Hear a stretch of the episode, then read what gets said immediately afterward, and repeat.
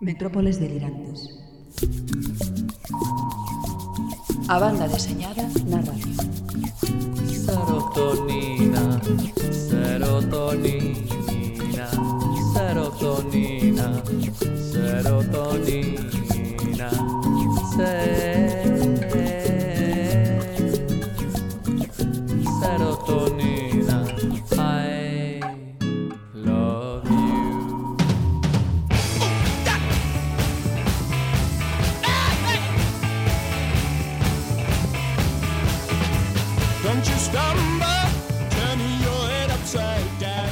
Ola, son Nieve Rodríguez e aquí comenzamos a décima emisión das Metrópoles Delirantes na Radio Online Campus Culturae da USC. Décimo programa e para celebralo imos falar de cómic e de cultura galega con dúas persoas ben activas e inquedas. Por unha banda Manel Cráneo, outro formijillo da BD e por outra Manuel Gago, unha das plumas máis seguidas da internet galega. Música Nesta entrega o imprescindible tamén toca no lar. O señor B trae as metrópoles o trazo de Xiz de Miguel Anxo Prado, que entre os galardóns que recibeu podemos citar o Premio Alf Art en Angulem 1994 e mellor obra do Saló do Cómic de Barcelona tamén no 1994. Voltaremos os lembretes con Sherlock Holmes, un anime no que se nota a man do mestre Miyazaki e que encheu de ledicia e risas moitos seráns da nosa infancia. O noso técnico Manolo Fidalgo ten a nave preparada e sen demora zarpamos xa. Yeah,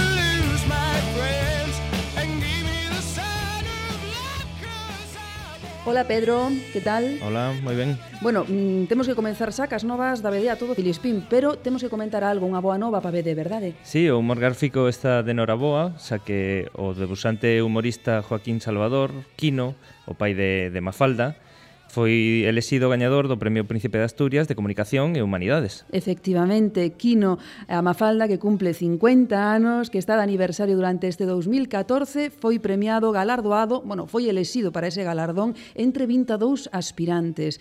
E por qué? Porque o xurado entendeu que este libro, esta obra, ten un enorme valor educativo e a súa dimensión universal é patente na súa obra, e porque os seus personaxes trascenden calqueira xeografía e calidade e condición social. Foron os motivos polos que se otorgou ese premio a Quino. Noraboa.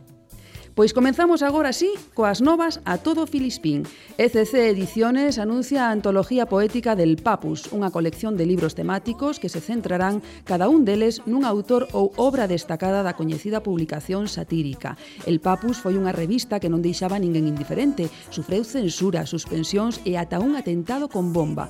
Os libros da colección incluirán, ademais das historietas, un estudio histórico acompañado de documentación sobre o impacto e a recepción que tivo a obra no seu momento. A segunda metade de 2015 é a data prevista para a apertura dun parque de atraccións adicado ao universo de Espiru. O proxecto terá un orzamento de 75 millóns de euros e estará ubicado no lago Monteus, cerca de Aviñón, Cada atracción estará dedicada a un álbum con espazos adicados a Marsupilami, Fantasio e incluso algúns outros personaxes como Gastón Lagaz, Tomás el Gaf en español ou Lucky Luke. Os vindeiros 20 e 21 de xuño celebrarás en Pontevedra a edición de verán das fantabulosas xornadas de autoedición, esta vez baixo nome de Gropo Gropo. A intención do Liceo Mutante é durante un par de días ser o sitio máis importante do planeta. Se queredes poñer un posto no que vender e amosar os vosos fanzines, discos, etc., Mostra, aí o tedes. Tedes máis información en plasticamutante.blogspot.com. Nace o primeiro Salón del Cómic de Alicante, o Alicómic. O salón estará dedicado ao cómic e aos videoxogos, mas tamén terá contido interesante para os amantes do coleccionismo, os xogos de mesa, o cine e a música, do 27 ao 28 de setembro. Radio Campus Culturae. Unha iniciativa da Universidade de Santiago de Compostela cofinanciada pola Axencia da Cultura da Unión Europea. Chiamos en arroba metrópolesd. Nestes tempos incertos, cubertos por esa pátina da crise que todo escurece, os autores de BD fan de todo un pouco. Hai uns programas, achegabas ata as metrópoles, un autor que calificamos de hiperactivo e que toca todos os paus deste mundo, Kiko da Silva. E hoxe veunos visitar outro artista que non queda para nada atrás. Falamos de Manel Cráneo, guionista e debuxante de BD, ilustrador, editor, animador, músico. Manel Cráneo é unha especie de home orquestra do cómic en Galicia e para nós é un placer que fixera un tempiño para parolar de todo o que fai. Benvido, Manel Cráneo. Boas tardes. Quedache tempo para algo, para ter vida propia. Pues mira, quedame tempo para falar con vos. Gracias, no de verdade encantados. Estou moi agradecido de, de estar no vosso programa, que me parece unha iniciativa fantástica. Pois pues moitísimas grazas, Manuel. Bueno, está na mesa tamén Pedro, eh, Pedro Rey, que, que tamén é compañeiro. Hola, que tal? Gracias. Hola, Pedro, boa tarde. Gracias polo que, polo que dixeches. bueno, temos tantas cousas das que falar que neste caso vou comenzar polo último que sacaches o mercado, a parte do Planeta Mincha que despois falaremos. A Fraga Milmañas, con guión de Carlos Amil. Como foi o lanzamento e que acollida está a ter esta recopilación de historietas curtas? Pois mira, a verdade é que a cabrida está empezando, eh, bueno, quero dicir, em, eh, empezou desde que saiu a, a ser moi boa, non? Eh, era o primeiro que sacábamos dentro da línea desde editorial destinado un poquinho a público juvenil infantil, porque uh -huh. ata agora estábamos publicando para público juvenil máis ben adulto, non?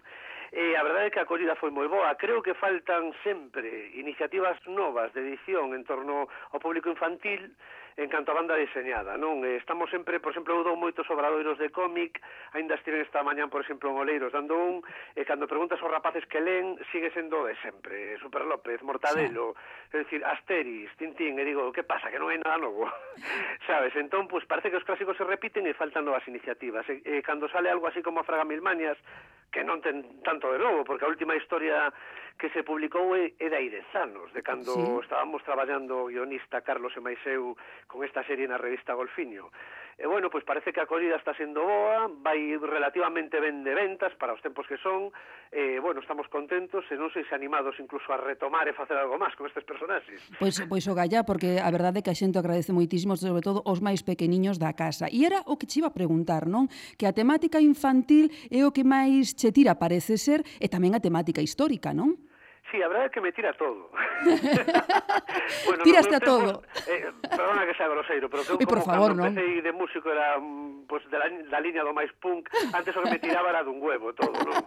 Agora xa non tanto, estou un pouco máis involucrado con cousas que antes non estaba. Entón, por exemplo, unha delas é o mundo da infancia, sobre todo porque agora son pai tamén e eh, hai que ser bo pai, non? Mm. Entón, creo que sí que os, os rapaces sobre todo no mundo da, da banda deseñada necesitamos eh, regenerar, facer cousas novas e, eh, e sacar novas iniciativas, non? Porque os rapaces veñen moi potentes agora, veñen nunha época onde a tecnoloxía está marcando a tendencia e incluso eu creo que hai que, que enfocar o mundo da banda deseñada para os rapaces atendendo especialmente tamén a novos formatos que poden estar vinculados coas novas tecnoloxías non, non é pois o caso da Fraga Milmañas obviamente que é un cómic eh, de corte clásico con historias curtas é unha recopilación digamos que é unha recuperación dun material que estaba ali eh, parado desde hai 10 anos e queríamos recuperar, pero sí que estamos pensando en, en que habería que, que, que empezar a traballar un pouco nesta liña, non? Porque está claro que os, os nenos e eh, a infancia sempre un público exixente, pero tamén moi agradecido. Bueno, ti traballas como autor completo, como no caso de Os Lobos de Moeche, Cousas de Mortos ou Planeta Mincha,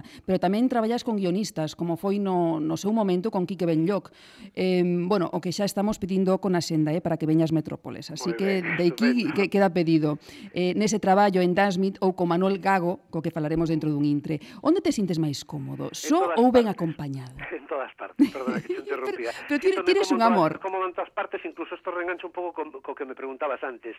Eh, incluso non é solo tamén te, te, temática infantil ou histórica o que máis me interesa, que realmente se, se a mí me plantas diante, me chega un guionista ou agora, como por exemplo nun proxecto novo que estou traballando de guionista para outro dibuixante, me chegan con un tema que a mí me interesa e que me dá igual, que sexa histórico, de ciencia ficción, de humor negro, eh, a min calquera cousa que me faga pum pum no corazonciño, veña, sí. vamos para diante, sabes? Entonces, a ese nivel non me gusta moito ser encasillado, porque creo que, que ademais debe ser difícil encasillarme, ainda que a me dan de parte da obra que teño publicada, eh, pois son cousas de xénero histórico ou infantil, pois por exemplo, agora falabas de, de Dan Smith que fixen con, uh -huh. con Kike Benjoc, e aí estamos noutro tipo de temáticas, uh -huh. non? porque é unha atmosfera eh, pois de outro estilo, non? E, é dicir, incluso aí pois xogamos con, con a intriga e con algúns elementos que noutras historias que fago pois igual non están, non? Eh, imos entrar nese planeta imaginario e maravilloso que formaches ti, que imaginaches hai uns anos, o planeta Mincha. Como xorde a idea de crear tal universo?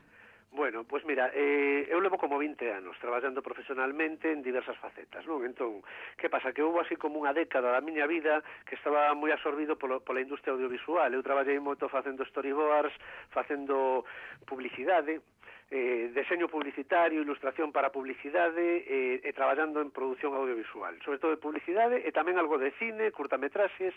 Entón, que pasa? Que isto é un, é un mercado moi duro, eh, que che come todo o tempo por completo, eu necesitaba espallarme, facer, iba facendo tamén algún librinho ilustrado, o de sempre, non? Uh -huh. As minas colaboracións de historias curtas de cómic en diversas revistas, pero me faltaba generar un universo particular onde escapar de todo, onde o condicionante non fora gañar cartos para chegar a fin de mes, senón divertirme facer o que me desa gana.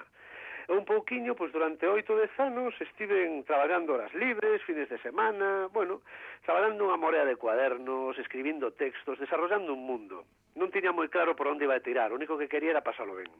E foi surdindo este planeta mincha un pouco dai, non? Ata que eh, saliu a primeira historia publicada que foi na revista na revista GPS, que era unha continuación da revista Caña, unha revista que tivo oficialmente eh, a marca Estrella Galicia, que se repartía gratis polos bares, pois aí empezou un pouquiño eh, a primeira andadura con historias curtas, non? Pero xa nese momento que empecé a publicar as primeiras historias curtas de cómic, levaba eu oito anos traballando no proxecto. Jesús, oito anos. Sí, oito... bueno, a ratos libres, eh. porque Oito... teño ratos libres. non, me parece. non o creo, pero bueno. non, sabes que pasa? Que os ratos libres que teño cargo de, de ocupalos, non? Eu teño un lema que, que se non hai traballo, inventamos. É certo, é, é un bolema, sí, señor. Pedro, adiante. Eh, dis, dis que levas oito en 28 dez anos traballando neste proxecto, do que xa saíron cinco libros infantís, pero en que fase estás? É dicir, este proxecto abarca moitísimo máis, animación, videoxogo, cómic, banda sonora... Sí, digamos que eh, bueno, estou na terceira fase, como encuentrose na terceira fase, sabes, a película esta, quer decir, estou noutra galaxia. Entón, a fase na que estou é unha fase que segue sendo a mesma dai de anos, é eh? liberdade total e sistema de anarquía pura e dura no meu traballo, porque como é un meu proxecto personal non teño condicionantes. Entón, o que fago un pouco, o que fixen ata agora é este mundo, espallalo un pouco por aí, e sí que hai agora outra xente que se está responsabilizando de algunhas partes deste mundo. Entón, eh, por exemplo, estamos rematando xa desde hai meses un hubo algún parón, agora retomamos outra vez un capítulo piloto de serie de animación eh, que neste caso está eh, basado, baseado un pouco nas historias de libros infantiles que está sacando Verés, que é Diario de Pichuc. Uh -huh. eh, e un pouco estamos con eso, con un videoxogo que será para descarga en plataformas móviles, do que temos xa unha pantalla xogable, así en plan demo, eh, xa feita, non? Eh, estamos traballando Eh, pois pues eso, en, en proxectos de diversas... E agora o próximo que vai a salir tamén, que é publicación, que sale dentro deste ano por fin, é un proxecto de novela gráfica con banda sonora de música mincha que se poderá descargar desde, desde a nube, non?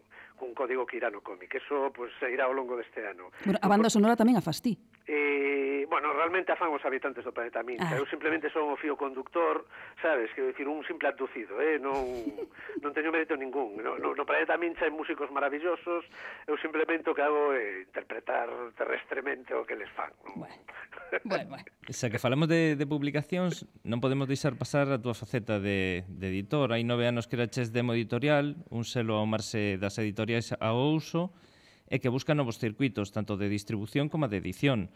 Con que espírito nace? Bueno, a ver, o espírito que nace é un pouquiño levaba, pois, pues, na, Bueno, isto empezamos en 2008, se mal non recordo. A primeira publicación foi Os Lobos de Moeche. Naceu sí. un pouco co espírito de autoeditarse. Eh, porque tiene un proxecto moi específico, eh, quería movelo eu, quería buscar eu financiación para poder editalo, E saliu esta primeira autoedición que agora mesmo diría que debe ser o, o cómic máis vendido de Demo. Debemos andar cerca dos 3.500 exemplares vendidos. Parabéns. Que en galego, en Galicia, a día de hoxe son bastantes. Sí. Tamén xa leva no mercado pois uns anos, claro. Pero é un, é un cómic que sigue saindo e sigue funcionando. Non? Entón, a partir de aí, que pasa? Que de repente ves que tes un escaparate, creas un selo para un pouquiño mover os teus propios proxectos e, e outra xente, compañeros de profesión, viron o que estaba facendo e vinieron cos seus proxectos proxectos. E eh, que pasa? Que cando eu vexo algo que me gusta, pois me da igual que o faga, hai que apoialo. hai que apoialo, sí, señor. Temos unha plataforma, pois veña, entón un pouquiño foi un pouco así de xeito natural. Pois foches moi valente en poñer en marcha esta editorial editando obras en galego e de galegos.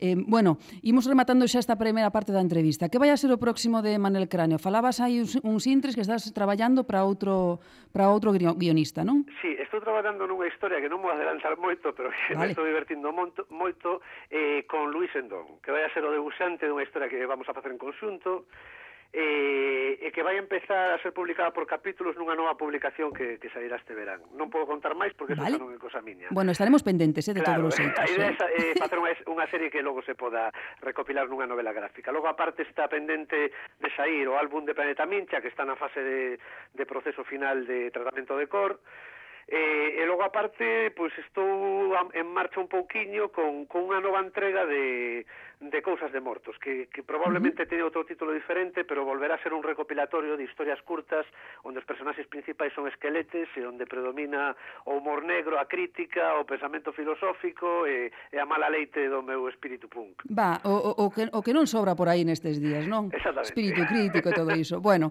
pois nos eh, vamos a estar como os nenos, moi agradecidos de que fagas cousas e de que saian o mercado.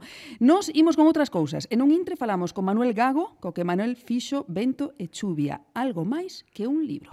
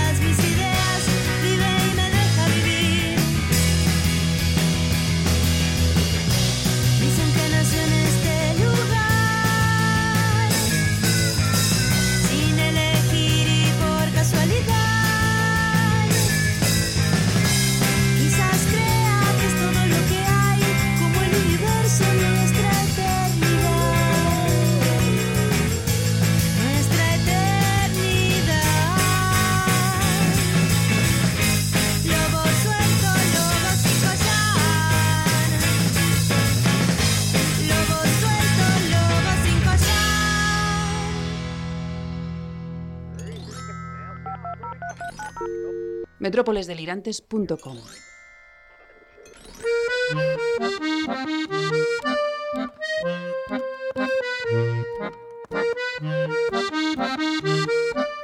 Trazo de Sid foi a primeira obra longa de Miguel Anxo, 63 páxinas que conteñen unha historia minimalista que con elementos moi contados construe un relato magnífico sobre o ser humano, o illamento e a súa capacidade de comunicación.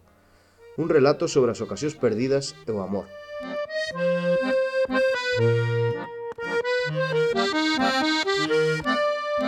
Raúl é un viaxeiro que atopa unha illa no medio do océano que non aparece nas cartas de navegación.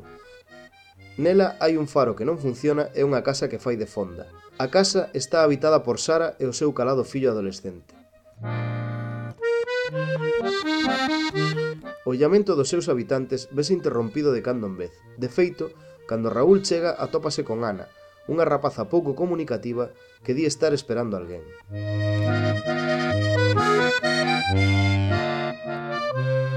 Un imenso dique, un faro sen luz, unha fonda vacía e as omnipresentes gaivotas nunha illa que semella un trazo de xiz. Este é o escenario opresivo no que se desenrola esta historia aparentemente sinxela e que transcorre nunha falsa calma. Miguel Anxo amosa unha capacidade gráfica e narrativa nesta obra abraiante. A sucesión de silenciosas e evocadoras imaxes otórgalle sentido e profundidade á narración e fan que o texto, nalgúns momentos, sexa totalmente prescindible. As composicións, case que cinematográficas, son excepcionais. O autor agasállanos con picados e contrapicados, así como vistas aéreas moi notables. As cores escollidas son azuis, violetas e verdes, que transmiten sensacións tanto de tranquilidade como de inquedanza, de realidade e ao mesmo tempo de irrealidade.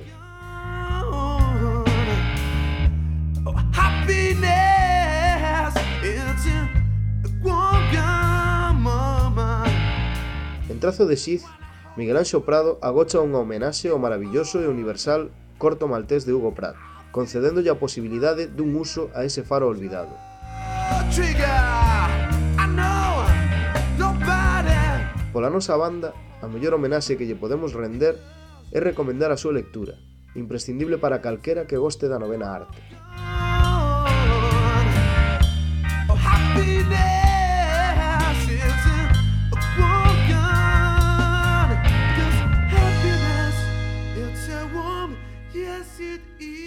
Seguimos tendo outro lado do fio telefónico a Manel Cráneo e saudamos a Manuel Gago, que se incorpora á nosa mesa para falar dos froitos resultantes do traballo conxunto que levan a cabo estes dous artistas. Benvido, Manuel Gago, ás Metrópoles Delirantes. bueno, podedevos saudar tamén, Manel Maistí. Señor Manel, como anda usted? Que pasa, compañeiro? Bendita sea a súa voz. está, está visto, sí. Xa, xa che botaba menos, se levaba 15 días sin verte. Pois pues sí, xa, xa é bastante tempo. Eh? bueno, Manuel Gago é é xornalista. Eu non vou dicir todo o currículo, non? porque estuve investigando e ten tres tipos de currículo na súa páxina web que é maravillosa. Un máis cortiño, un medio e outro longuísimo. Eu collín o pequeno, porque senón ben. é que votamos aquí os, a media hora. Bueno, Manuel Gago é xornalista, especializado en divulgación cultural, profesor da USC e director de culturagalega.org, entre outras moitas cousas, porque Manuel Gago é dos que, como dicíamos, tamén ten un currículum inabarcable. Bueno, eh, benvidos os dous outra vez. O último traballo que fixestes xuntos foi vento e chuvia editado por Xerais, recente premio Xosefa Vilarelle ao libro divulgativo 2013, pero xa no 2012 colaborastes noutro titulado A Torre dos Mouros.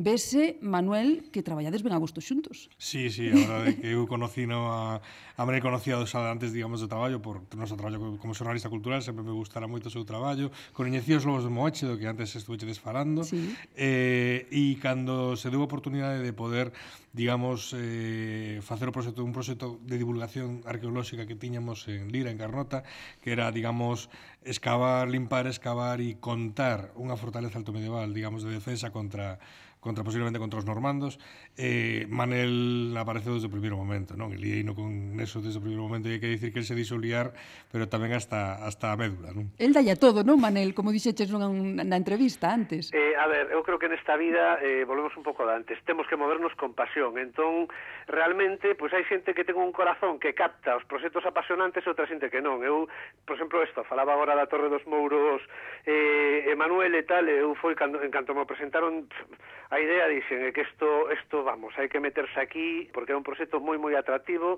e ademais que creo que, bueno, a mí tamén me gustou moito colaborar tanto con el como con, con Antón Malde, que era o director da excavación arqueolóxica, porque me parece que sempre están xenerando proxectos moi innovadores no, no que é o ámbito da historia da arqueoloxía, non? involucrando a sociedade e sacando un, pois, dese ámbito moi, moi, moi profesional e moi restringido que é a arqueoloxía, que, que sempre parece que hai uns señores que van aí ao monte, escavan, sí. eh, montan uns informes que se moven entre eles e a xente da lado da aldea lado non sabe nada. Entón creo que isto de convertir este tipo de proxectos e sobre todo a través do cómic en algo moi social é algo que, que me parece fantástico. Creo, non, non sei, eh, ao mellor estou, estou errada, Manuel, pero debeu de ser un dos primeiros cómics que se fixo de, de sobre arqueoloxía. Sí, no, pero aparte foi eh, posiblemente en, en Europa, é posiblemente a primeira vez que dun dos resultados dunha, dunha excavación arqueolóxica se publica antes o cómic de divulgación que o propio resultado informe científico.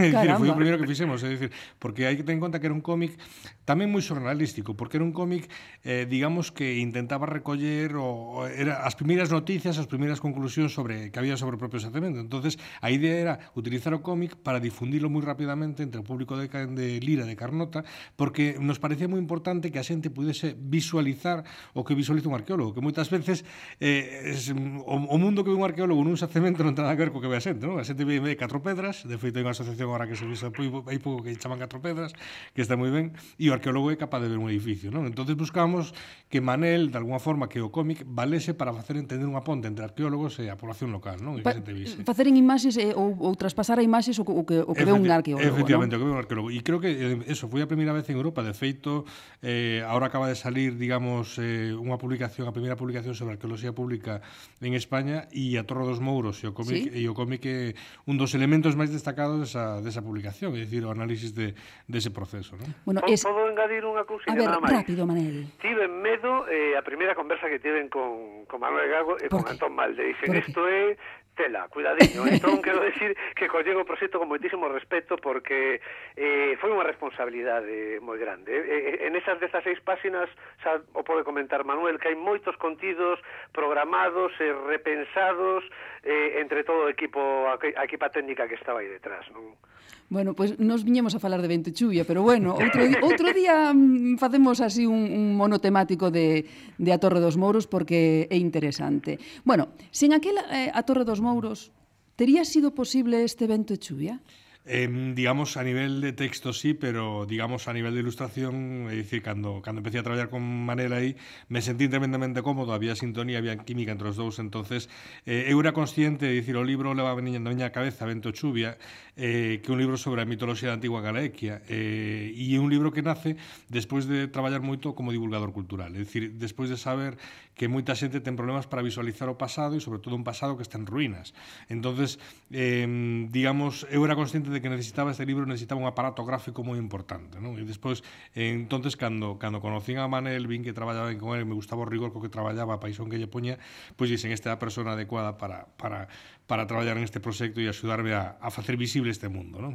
Que nos conta Vento e Chuvia en canto a ambientación, en canto para onde está non ubicado, non? Porque claro, está ubicado sí. na Edade de Ferro, porque sí, vamos, un período moi Sí, vamos a, a ubicarlo. Está ubicado nun, nun momento especialmente importante, un momento cultural moi sensible para Galicia que é a do Ferro, é dicir, a época dos Castros. É dicir, os Castros empezan en Galicia, para que os fagas unha idea, pois alrededor do ano 800, 900 antes de Cristo e digamos siguen sendo habitados, hai un gran colapso no momento da conquista romana e algúns siguen algúns pouquiños siguen sendo habitados despois da conquista romana, non? Pero son uns pouquiños, é dicir, digamos que a Ida do Ferro chega hasta o momento hasta o ano 16 antes de Cristo, que cando finalizan as operacións militares en no territorio da da Bella Garaequia. O libro está máis ou menos ambientado como no século II, III, é dicir, o período clásico, é dicir, eh, onde está a imaxe desas dos castros que visitamos, é dicir, esa época na que na que se contan as cousas, non na que suceden, porque a que suceden eh, é un tempo mitolóxico, sí. pero é a época na que se contan as cousas, é dicir, eh, ese mundo está contado desde ese momento, e iso é un momento moi importante para que os hagan a súa idea, porque o libro está intentado contar como se si fora recollido, como se si fora con unha grabadora a unha cabana de do ferro, entrase por ali, fose de noite, cheirase a fume, oh. cheirase a humanidade, pois esa e intentase, intentase gravar a esta xente. É dicir, que a súa mentalidade, coa súa visión do mundo, e, en todos os aspectos. Non? entonces por eso digo que o libro é curioso, está ambientado non na nosa época, pero ademais está falando dun tempo mítico que é moi anterior a eles. Por exemplo, os primeiros deuses son mil anos anteriores a eles. É dicir, a concepción dos primeiros deuses. Non? Bueno, eh, falando de deuses, Eh, temos unha curiosidade, verdad, Pedro? Sí, porque eh, como se ilustran os deuses? Eh, en base a quen? Que? Sí, eso é, é moi interesante porque o libro o libro ten como dúas capas, hai unha capa, digamos, eh, arqueolóxica que se basa un pouco no no que conocemos a nivel científico e despois ten unha capa de fantasía.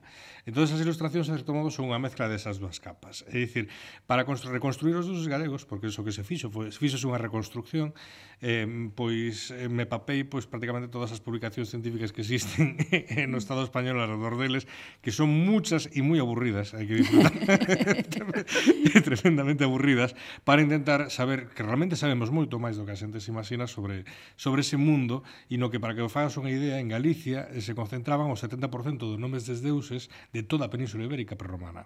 É dicir, aquí pasaba algo moi especial no ámbito, de, no ámbito da mitoloxía, no ámbito dos deuses. Aquí estaban o 70% deses nomes de deuses. Entonces, eses nomes en sí mismos son como cápsulas de tempo que conteñen eh, o que ese deus representa. Eh, pensade, por exemplo, algo moi fácil de entender. Pensade, por exemplo, na Virxe. Sí. Eh, temos a Virxe María, sí. pero temos a Virxe das Angustias, a Virxe dos Dolores, a Virxe de tal. Cada un deses atributos nos está falando sobre o que fai esa Virxe. Sí. Non? Pois cos deuses pasa igual. Entonces, Temos a sorte de que conservamos algúns deles, a representación de algúns deles, conservamos a representación gráfica, por exemplo, do Bestio Lonico, que se conserva en, en Pontevedra, no Museo de Pontevedra, un señor con cornos moi parecido ao, ao Deus das Bestas, o, o digamos, o Carnunos. Eh, conservamos o, os nomes de deusas que sabemos cales son, como Poemana, que é a deusa Epona, moi, moi habitual no mundo céltico, ou o Deus Lug, tamén conservamos, conservamos se si non o conservamos en Galicia, conservamos noutros sitios. entonces pois a partir de aí, é dicir, de todas as evidencias que temos, digamos, nas aras romanas, eh, na, nos relatos que se conservan da antigua Galaequia, eh, en todos estes elementos, a partir de aí empezou a reconstrucción, non? E aí, un pouco que as pautas que se daba, pois a partir de aí, Manel lle aportaba tamén un ingrediente, digamos, creativo e fantástico que todos os teñen tamén. Foi, foi fácil para ti, Manel, A ver, eh, foi un novo reto despois claro. da Torre dos Mouros eh, coller isto. Entón, sabes que pasa? Que cando, por exemplo, eu ataco a un proxecto de ambientación histórica eh, pola miña conta, sempre hai unha parte de proceso que cando traballo nestes dos proxectos con, con Manolo, pois non pasa, que toda esa parte de documentación, de investigación, entón, como el xa ten todo o camiño feito a ese nivel, eu o que, hago, o que fago únicamente é seguir toda a documentación que el me pasa, reforzala se acaso con algunhas cousas, claro que sí, porque sempre está ben buscar algunha cousa para contrastar e tal, e sobre todo a nivel gráfico, non? Pero, por mm. exemplo, fíxate, para poñer caras aos deuses, eh, eu lembro de algún boceto, non? Que lle mandaba e tal, eu me inspiro no que hai agora tamén, sí, eh, ti vas á zona de Lugo, é unha rapaza de Lugo, pois, hai, quero dicir, hai perfis de belleza, de, a, a ver que dice, eh? claro, de rapazas de Lugo. entón, pois, máis eh, hai moita xente a día de hoxe que te vas pola rúa e dices esta ten cara de poemana Non sei se me explico. Entón, sí, sí. as descripcións que eu tiña por escrito, eh, bueno, os relatos eh, e como se comportan estes deuses, porque a verdade é que o libro sí que é certo que é moi aberto o texto de, de Manuel este nivel, non? Porque define algunhas cousas, pero logo a nivel físico non, non describe eh, como, como certos escritores que son moi definidores de, sabes, de rasgos físicos. No caso de Vento e Chuvia non, non é ese, non? Entón, a mí me dá moita, moita liberdade a buscar tamén eses perfiles que podan encaixar con o o que representan e o que fan eses personaxes. Un exercizo moi divertido, a verdade, hai laborioso un, tamén. Hai un, un dos casos máis bonitos de ilustración de Manel, creo que foi unhas deuses que se chaman as moi propias da zona de Ourense, que son as, as sulas nantugaicas. Sí, sí, eh, lembro, claro. bueno, lembrome delas que non sabes ti. que, que empezou a traballar con elas e era como as tiñan nunha gaveta, e entonces de vez cando sacaba, porque son unhas deusas que son mm, feas e eh, feas e fermosas ao mesmo tempo, novas e, maio, e bellas, eh, coléricas e amables ao mesmo tempo. entonces claro, estamos falando do máis ambiguo posible. entonces o pobre de Manel lle estuvo dando como 50.000 voltas ás pobres eh, sulas hasta hasta que ao final atopou, digamos, o, o fío final. ¿no? O, o modelo. Sí, e fíxate, e fíxate que no, eh, no modelo final as sulas que aparecen, digamos, no seu retrato, digamos, oficial ao principio do tal, non se parecen moito físicamente ás sulas que aparecen noutro lugar. É dicir, eh, ao final colleu moi ben o que é o espírito eh, da, do cambiante, propio, cambiante destas propias Días de Usa. ¿no? sí, bueno, que foi divertido. Traballo, eh? Foi das primeiras eh, que comezamos, eu creo que a última ou penúltima antes de entregar o libro. Bueno, dai ben se non sabe de eso que se di que non sabemos se subimos ou baixamos, non? Sí, sí. Así que Exactamente. bueno, vamos a ver. Eh, que peso teñen esas ilustracións eh, no libro? Organizouse o libro ao redor desas ilustracións? Mm, como foi? No, o libro está organizado, eh, digamos, en dúas partes. Eh, mm. Hai unha parte que son 10 relatos, é dicir, un relato cada relato corresponde a un deus, ainda que a veces os deuses entrecruzan no medio deles, pero pero cada relato se corresponde a un deus e despois ten unha segunda parte que considerábamos necesaria, que é unha parte máis de divulgación, que está dividida en dúas partes. Unha primeira que é na que eu expoño nun pequeno ensaio o último que sabemos sobre esa época, porque sospeitaba que eh, aínda que eu estou moi metido nese mundo, nese, a xente a xente realmente desconoce eh, digamos eh, a sociedade e a vida da Idade do Ferro, e todo o que podemos saber hoxe en día gracias á arqueoloxía, pero tamén ás novas tecnoloxías E, e por outro lado, un, hai un texto moi interesante do, do catedrático de Historia Antigua da, da USC, Marco García Quintela, que é como un nivel máis alá de profundizar. É dicir, eh, no que se mete a dicir, vale, moi ben, está todo isto, entonces que o que sabemos realmente a nivel científico, ¿no? Entonces o libro ten como tres capas, a fantástica, a intermedia de divulgación popular e unha capa un pouco máis sesuda eh, de Marco García Quintela, co cual é moi simpático porque o libro, cada quen o lé na dirección que, que lle dá gana. que lle dá gana. Entón que Entón... Desde libro infantil hasta libro divulgativo, o sea, de todo, entón novela, de todo, de todo, de todo, de todo. E entonces, cal o papel de ilustración? O papel de ilustración é fundamental porque é a que ten que vestir este mundo, que é un mundo ausente de pedras, de casiñas redondas eh, cortadas pola metade, que é un pouco a imaxe que temos, non? Entonces, este mundo tiña que ser capaz, é dicir, a ilustración tiña que ser capaz de dotar de carne de personalidade, de ensinarlle a xente que detrás desas pedras hai seres humanos, que é unha das para mí unha das principais claves, é dicir, dicirlle enseñarlle o outro que está ali. Entonces, as ilustracións de Manel determinan, as ilustracións de Manel a veces inician historias, as ilustracións de Manel a veces proporcionan unha mirada que eu non tiña sobre esa historia e iso un dos, unhas cousas máis fascinantes que iba aprendendo o traballo con él. É dicir, él interpreta a historia. entonces a veces fai ver cousas ou introduce claves que non son as claves que eu tiña originalmente pensadas e que abren, para que vos fagas unha idea, a portada que para min é espectacular, que un grupo de guerreiros sí. saltando por encima da lase das cabras en, sí. en, en Palmeira, ese, ese, ese relato non está no libro. É o que íbamos a falar agora, porque, a ver, Pedro, con, coméntanos, porque o libro é máis que un libro, non? Sí, o libro é algo que queremos que, que nos contedes, é eso que está tan de moda, transmedia. Que é eso? Pois transmedia aproveitar de cada medio eh, o mellor que ten. Entonces, eh, do papel nos gusta esa consistencia que ten, ese color, esa, ese elemento, e, e, por exemplo, da web, que é unha parte moi importante do libro, eh, aproveitábamos outras posibilidades. Por exemplo, o libro ten un código, un código que está impreso, que permite acceder a mapas nos que están todas as localizacións, o 70-80% das localizacións de Vento Chuvia son lugares reais, que se poden visitar, que se sí, pode sí. ir hasta eles, ainda que a veces non hai camiño. pois saltando entre os toxos, da igual. Efectivamente. Entonces, hai lugares reais, te podes descargar esas rutas, etcétera, etcétera. Eso non só poderías facer coa web, por eso transmedia. E despois hai outra parte que son tres relatos adicionais eh, que só se pode acceder a eles si me localizas a min físicamente oh. e te poño un código un, un código tal. O que está dando lugar a situacións bastante divertidas. Sí. Cando estás por aí, estás nun bar e te, e te, che, e te Oiga. Mira, vas, vas a estar, sí, vou un momentiño a casa por, por eh, co libro. Quero que me des o código. o código é... Eh, Un dos códigos é o da portada? Eh, sí, un dos relatos, un dos tres relatos que, sí. que, que están na, na web e o relato da portada, que é a mosca de cara unidos. É dicir, que para saber a historia da portada temos que localizarte que ti nun sitio calquera e dicirche, deme por favor o código para saber o que, o que Esa, fala vostede da, da portada. Non vos podedes imaginar o que, o que está xerando eso. E, e, e, e como foi a resposta do público? Están aproveitando eses recursos, porque a partir do libro espállase a un montón de posibilidades, claro, o que acabas de contar. Están aparecendo cousas moi curiosas desde, desde colexios que están facendo xogos con chapas de Coca-Cola que, lle poñen as caras dos deuses, que hasta ben, que xente que utiliza pois para amosar a cultura de Galicia como agasallo, etc, etc, a xente de fora que o está utilizando casi como un portador de dignidade, non sei, ten unha sensación moi curiosa e despois moita xente eu que quería facer co, co tema do código manuscrito era era un pouco como o chiste dos vascos do, do Rolex, non? Se estamos a Rolex, estamos a Rolex. Pois se estamos a libros físicos, estamos a libros físicos. Este é un país pequeno, entonces por que non? Por que non? Si, si de repente esa pode ser a gran ferramenta de marketing que me permítame coñecer quen son os meus lectores. Efectivamente. É dicir, pois por que non aproveitamos? Por que temos que escapar do lector? Eu o lector lle quero dar un non invitarlo unha caña, quero dicir, ou darlle, darlle a man, e dicir, quero saber quen é tamén existen outras cousas ao redor desta obra, obradoiros dos que, bueno, sí, sí. Eh, sí. gustaría que nos falaras. Eso, a verdade é que unha das partes que en este momento estamos en plena expansión e ademais sempre no traballo con eso. Eh, aí, digamos, o, o, había unha idea que era a seguinte, dicir, o libro, a mí me gusta que o libro pasa as súas barreiras, non? Entonces, Son un fanático da narración oral, me encanta a narración oral e o teatro. Entonces, eh, eh, cando presentamos o libro, fixemos unha primeira proba con catro grandes actores galegos, lle pedimos que contasen estas historias en sí. público.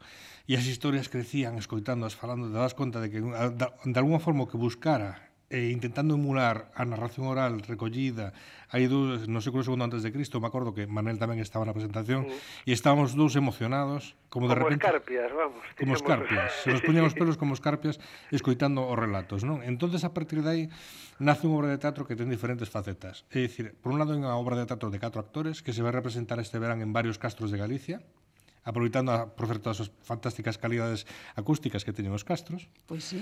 Eh, eh, por outro lado, eh, digamos un espectáculo de, de unha persona, un monólogo, eh, que en este caso fai Soledad Felloza, que é fantástico porque é un monólogo que se dirixe ás escolas, entonces é un monólogo que se regula en función do público. É dicir, é un monólogo que conta unhas cousas se é adolescente, unhas partes do libro, e que conta outras cousas se é un, un nenos máis pequenos. Entonces eso permite, de alguna forma, que o libro chegue a diferentes públicos en diferentes maneiras. Pois sí, pois a verdade é que fixestes un libro moi completiño con moitas cosas ao redor das que disfrutar, non soamente coller, ler o libro, acabar e punto. E aí queda no olvidado na, na estantería. Gústanos moitísimo esa idea. Eh, Manuel, teño que preguntarlle Manel, a Manuel unha cousiña que antes de rematar, que estamos xa xa rematando o teu blog eh, é maravilloso. Moitas gracias. Mm, de verdade, gastronomía, viaxes, eh, últimas tecnoloxías, eh, dícale ese blog, eh, bueno, e empezastes hai muitísimo tempo. Si, sí, hai dez anos, estamos dez facendo anos, dez anos. No? Estamos, Falamos de dez sí. anos e xa daquela xa falabas do, de novas tecnoloxías, bueno, do que estamos falando aí, non? Sí. Tu veches onte problemas con el? Si, sí, onte casi me rodé, que si, pero, porque, porque, porque tiña demasiadas eh, un blog ten dez anos, entonces parece que non, pero pero as webs tamén se fan bellas. Pois pues sí, oye, todo embellece, fíxate. Teñen artrite, ti, eh? teñen ese tipo sí, de ¿no? cosas. Tal. Entonces, entonces, digamos, a base de datos que ya sostén ten 500 megas, 500 megas, entonces tuve que facer unhas tarefas porque hubo moito tráfico por un post que saquei de, de, do, dun, do Loxe Mareiro, que é un restaurante que está en Carril, Entonces eso generou moito tráfico nas redes sociais e petou. Eh, o famoso, o famoso efecto microsiervos que eh, cando te referencias eh, efe, Efectivamente, entonces que chamase Capítulo Cero, unha web que intento tratar con moito cariño, a máis antigua en galego, o blog máis antigo en galego que, que está en activo e este Ademais, a túa pluma é referencia dentro da, dos blogs eh, en galego. Sí, Así pues, que queríamos deixalo tamén patente e eh, recomendar a xente que visiten ese Código Cero. Capítulo, eh, capítulo, eh, capítulo cero. cero. Código Cero é unha revista moi duns amigos, eh, unha revista sí, sí, tecnolóxica sí, sí, moi chula sí. tamén. O, o de Marcus. Sí, Así que, bueno, pois xa rematamos, non temos tempo para máis. Eh, seguramente que haxa máis ocasións para falar de máis cousas, pero Manel, ti Eh, traballarías outra vez con este home, con Manuel Gago? Ata a morte. Anda. Eh, ata a morte máis alá, porque como a morte é simplemente un concepto, de decir, eu creo que despois aínda nos queda tempo por facer cousas, imagínate. Bueno. Vamos, o que faga falta. No. Un placer sempre traballar con Manuel, sobre todo porque é unha persona moi creativa, abordando cousas que hai xente que pensa que igual eh, son parcelas como moi eh, científicas, como pode ser a historia, a arqueoloxía e todos estes temas. Entón, ser creativos tamén, aplicar a creatividade, como fai aquí o compañero Manuel Gago, a este tipo pouco de temáticas que son máis de perfil científico, pois eu creo que, que é o camiño que deberíamos de seguir todos pois para potenciar o noso patrimonio e, e bueno, para seguir sacando proxectos adiante que realmente teñan unha repercusión social interesante, non? E, vouche dicir unha cousa. Eh, fíxate, eh, o, o próximo proxecto que temos eh, é unha cousa, se deu unha cousa moi unha circunstancia alucinante que que os dous dixemos, sabemos cal é o proxecto e os dixemos, aínda non estamos preparados para facelo.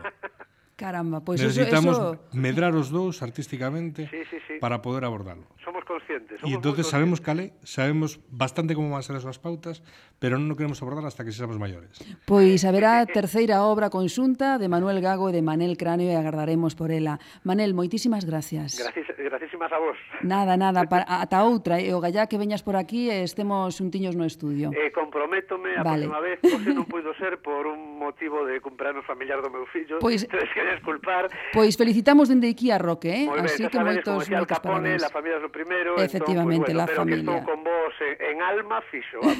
e físicamente espero que pronto. Eh, Manuel Gago, moitísimas gracias por estar con nos. Gracias. A tu vera, a tu vera, siempre la avenida tuya, siempre la avenida tuya, hasta que por ti me muera. A tu vera, siempre la avenida tuya, siempre la avenida tuya, hasta que por ti me muera. Oh yeah! que no mirase tus ojos, que no llamase a tu puerta, que no pisase de noche las piedras de tu calleja.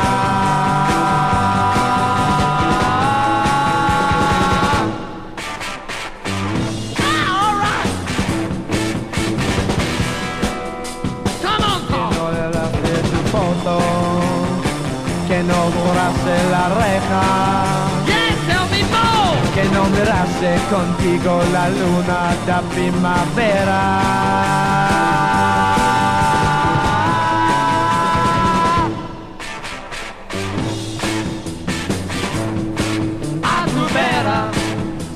A tu vera, siempre la avenida tuya. Siempre la avenida tuya. Hasta que por tu me muera. Muy bien. A tu vera. Siempre la avenida tuya. Siempre la avenida tuya. Hasta que por tu me muera. Que no mirase tus ojos. Que no llamase a tu puerta. Que no pisase de noche las piedras de tu calleja.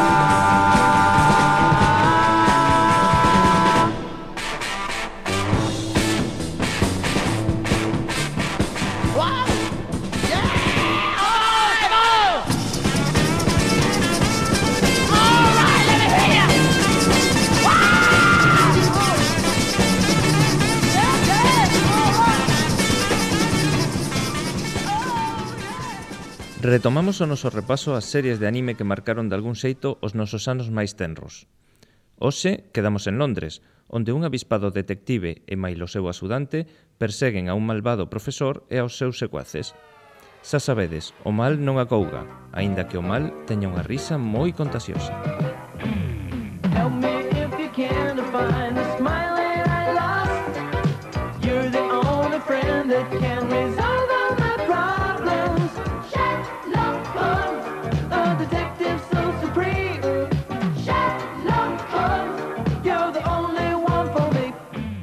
Só 26 episodios bastaron para converter Sherlock Holmes nunha das series de debuxos máis lembradas, a pesares dos atrancos postos polos herdeiros de Sir Arthur Conan Doyle. Sherlock Holmes foi unha coprodución entre a RAI italiana e o estudio Tokyo Movie Shinsha. Love, love, A serie é unha adaptación en anime das aventuras de Sherlock Holmes, aínda que os casos non teñen nada que ver cos das novelas de Doyle. Nela, os personaxes aparecen como animais con apariencia antropomorfa, na súa maioría cans como os propios Holmes e Watson. A serie, aínda que ambientada na época victoriana, ten influencias da estética steampunk con aparatos de vapor de aparencia exótica, así como elementos de ciencia ficción.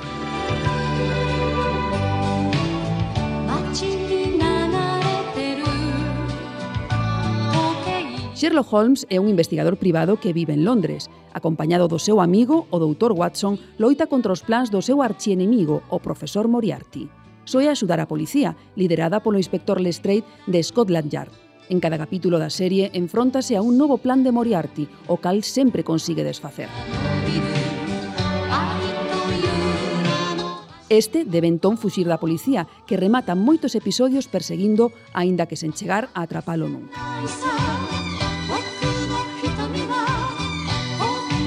A serie amosa un caso distinto en cada episodio, e salvo en algunhas ocasións, non hai conexión entre eles. No derradeiro, a historia de Holmes non queda zanxada, deixando aberta a posible continuación deste anime que non chegou materializarse. Soraka. En canto aos personaxes, o mellor da serie é o profesor Moriarty, un malo zoupón, egocéntrico, o que todo lle sae mal e que ten unha risa moi característica. Os seus secuaces, Todd Smiley, son os típicos parvos que executan as súas ordes e os que obrigan ir disfrazados continuamente. Lestrade, o inspector de Scotland Yard, non quere que Holmes se mesture, mas sabe que sen el, endexamais poderá coller a Moriarty o seu obxectivo vital. ¿Qué pretende provocarme? Moriarty, estás arrestado. ¿Eh? Da banda de Holmes están Watson, o perfecto escudeiro, e a señora Hudson, unha discreta e xoven ama de Chaves que se ve envolta nos casos, colabora neles e ten namorado a Watson. Esta es unha información confidencial. Presuntuoso. Es el único y genial.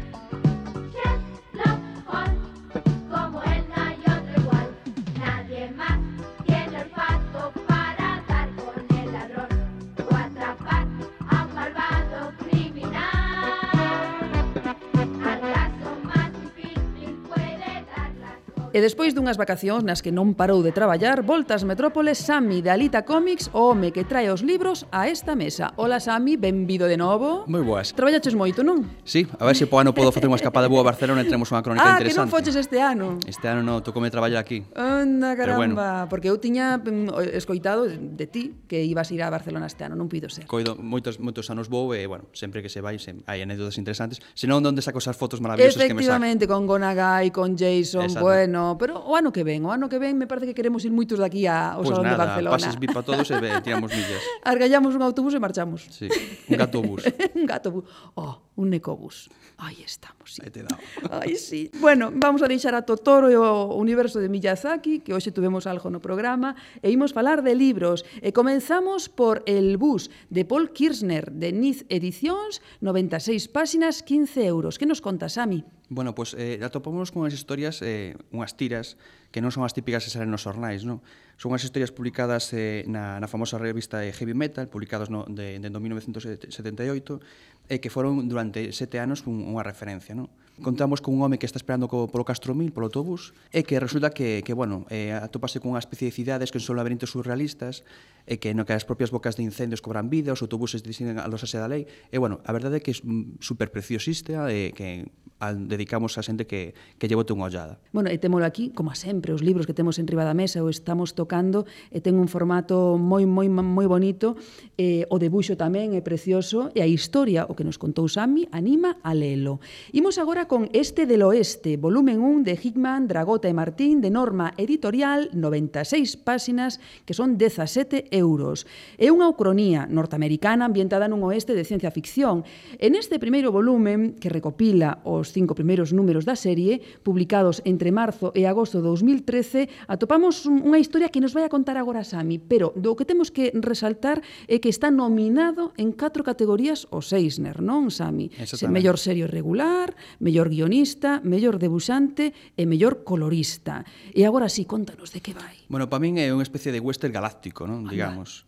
É unha historia épica de amor e traición a que os inetes do apocalipse ameazan un mundo dominado pola cultura oriental e oeste americano entonces ten ese toque de, de pistoleiros con toque así máis futurista, e eh, a verdade é que é unha combinación moi moi xeitosa ten un debuxo e unhas cores que chaman moitísimo a atención e que animan sobre todo a lelo. Pois aí queda tamén este del oeste, volumen 1. E imos agora cun cómic, me parece que mm, a novedade do Saló de Barcelona creo que máis comentada e máis esperada, non? He visto Ballenas de Javier de Isusi, Astiberri, 168 páxinas, 18 euros. Que nos podemos atopar neste cómic? que dun francés que está que é militante da, da ETA, e eh, que conoce a un, a un ex-membro tamén do GAL, no, no cárcere. Eh, a casi mil kilómetros de distancia entre eles, eh, Antón, un bello amigo da, da infancia de Yosu, eh, vive baixo a sombra eh, da morte do seu pai, non? a man de, da ETA, eh, 25 anos atrás. Temos aquí outra vez a temática de ETA, Javier de Isusi, autor desa tetraloxía Los viajes de Juan sin, terra, sin tierra, que propón agora, tras un laborioso proceso de documentación, porque para isto hai que documentarse a partir dunha historia real, pois unha novela gráfica vibrante que explora o interior de tres persoas aos que lles tocou desempeñar, pois iso, papéis encontrados e que buscan, pese a todo, atoparse como persoas. Aí queda ese He visto ballenas de Javier de Isusi, Imos agora o seguinte que temos por aquí, Las guerras silenciosas, de Jaime Martín, de Norma Editorial, 160 páxinas, eh, 24 euros. Le guerres silencieuses foi publicada por Edicións Dupuy en Francia en agosto de 2013.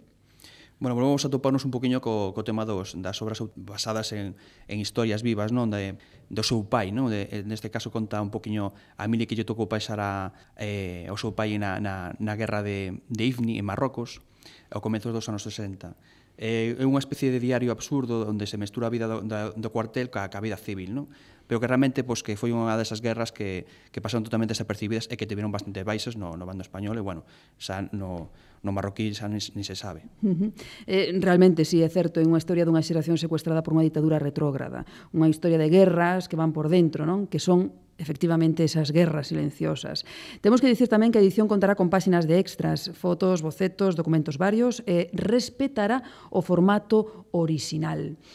Imos agora con Degenerado, de Chloe Cruxodet. Esa é unha novela que, bueno, ten, ten o seu aquel Dibux, 160 páxinas, 20 euros. Temos que decir que, como ben apuntaban os amigos da librería cómic na súa web, a traducción do título é de Patacón. O título original é Mauvais Genre, que mm, traducido literalmente significa xénero malo, xénero trabucado. Este libro basase en feitos reais. Chega cunha chea de premios importantes recibidos en Francia, entre eles o do público no Festival de Angoulême, e con máis de 50.000 exemplares vendidos en seis meses en Francia. A súa autora é unha talentosa historiatista que xa nos interesara coa única obra que a toda agora chegara ao mercado nacional, Groenlandia Manhattan, de norma editorial. Eh, Sami vai nos contar de que vai este, este libro. Eh, bueno, pues topamos que a historia dun, dun paisano que vai á guerra e, e por desertar, pues, fai un poquinho pois, pues, ao cambio de sexo, non? Entón, pois... Pues... é dicir, que el deserta e para que non o collen para que non o collan, vístese de muller. Es totalmente.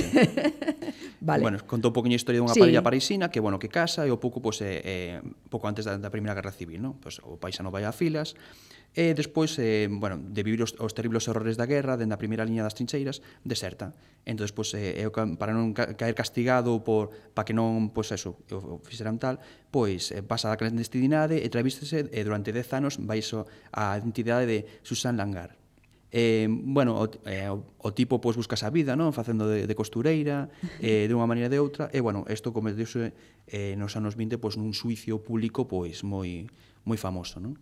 É dicir, que o colleron e o prenderon e, e xulgárono. Exactamente. E, bueno, pois, pois temos que dicir de Chloe Cruxadet que trata esta historia de xéneros e sentimentos confusos cunha grande sensibilidade e tamén que consegue levar magistralmente a narración por os, eses sentimentos amorosos, non? Os traumas da guerra, o travestismo e a violencia na propia parella.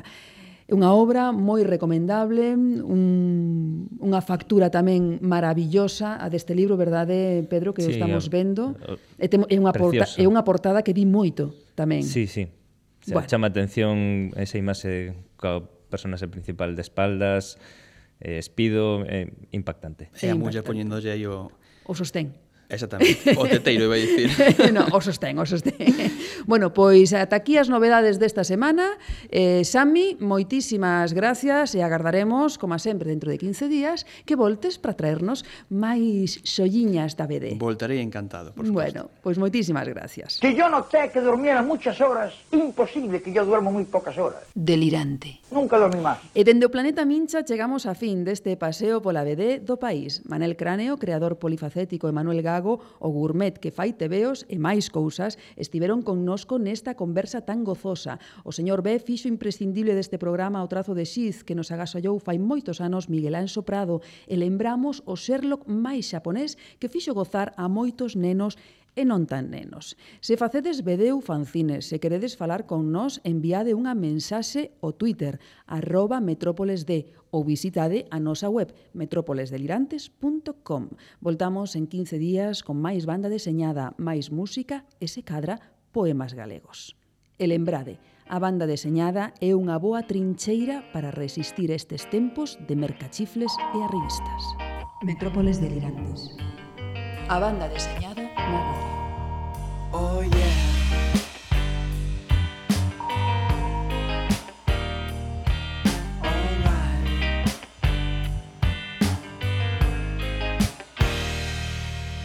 Somebody's hiding,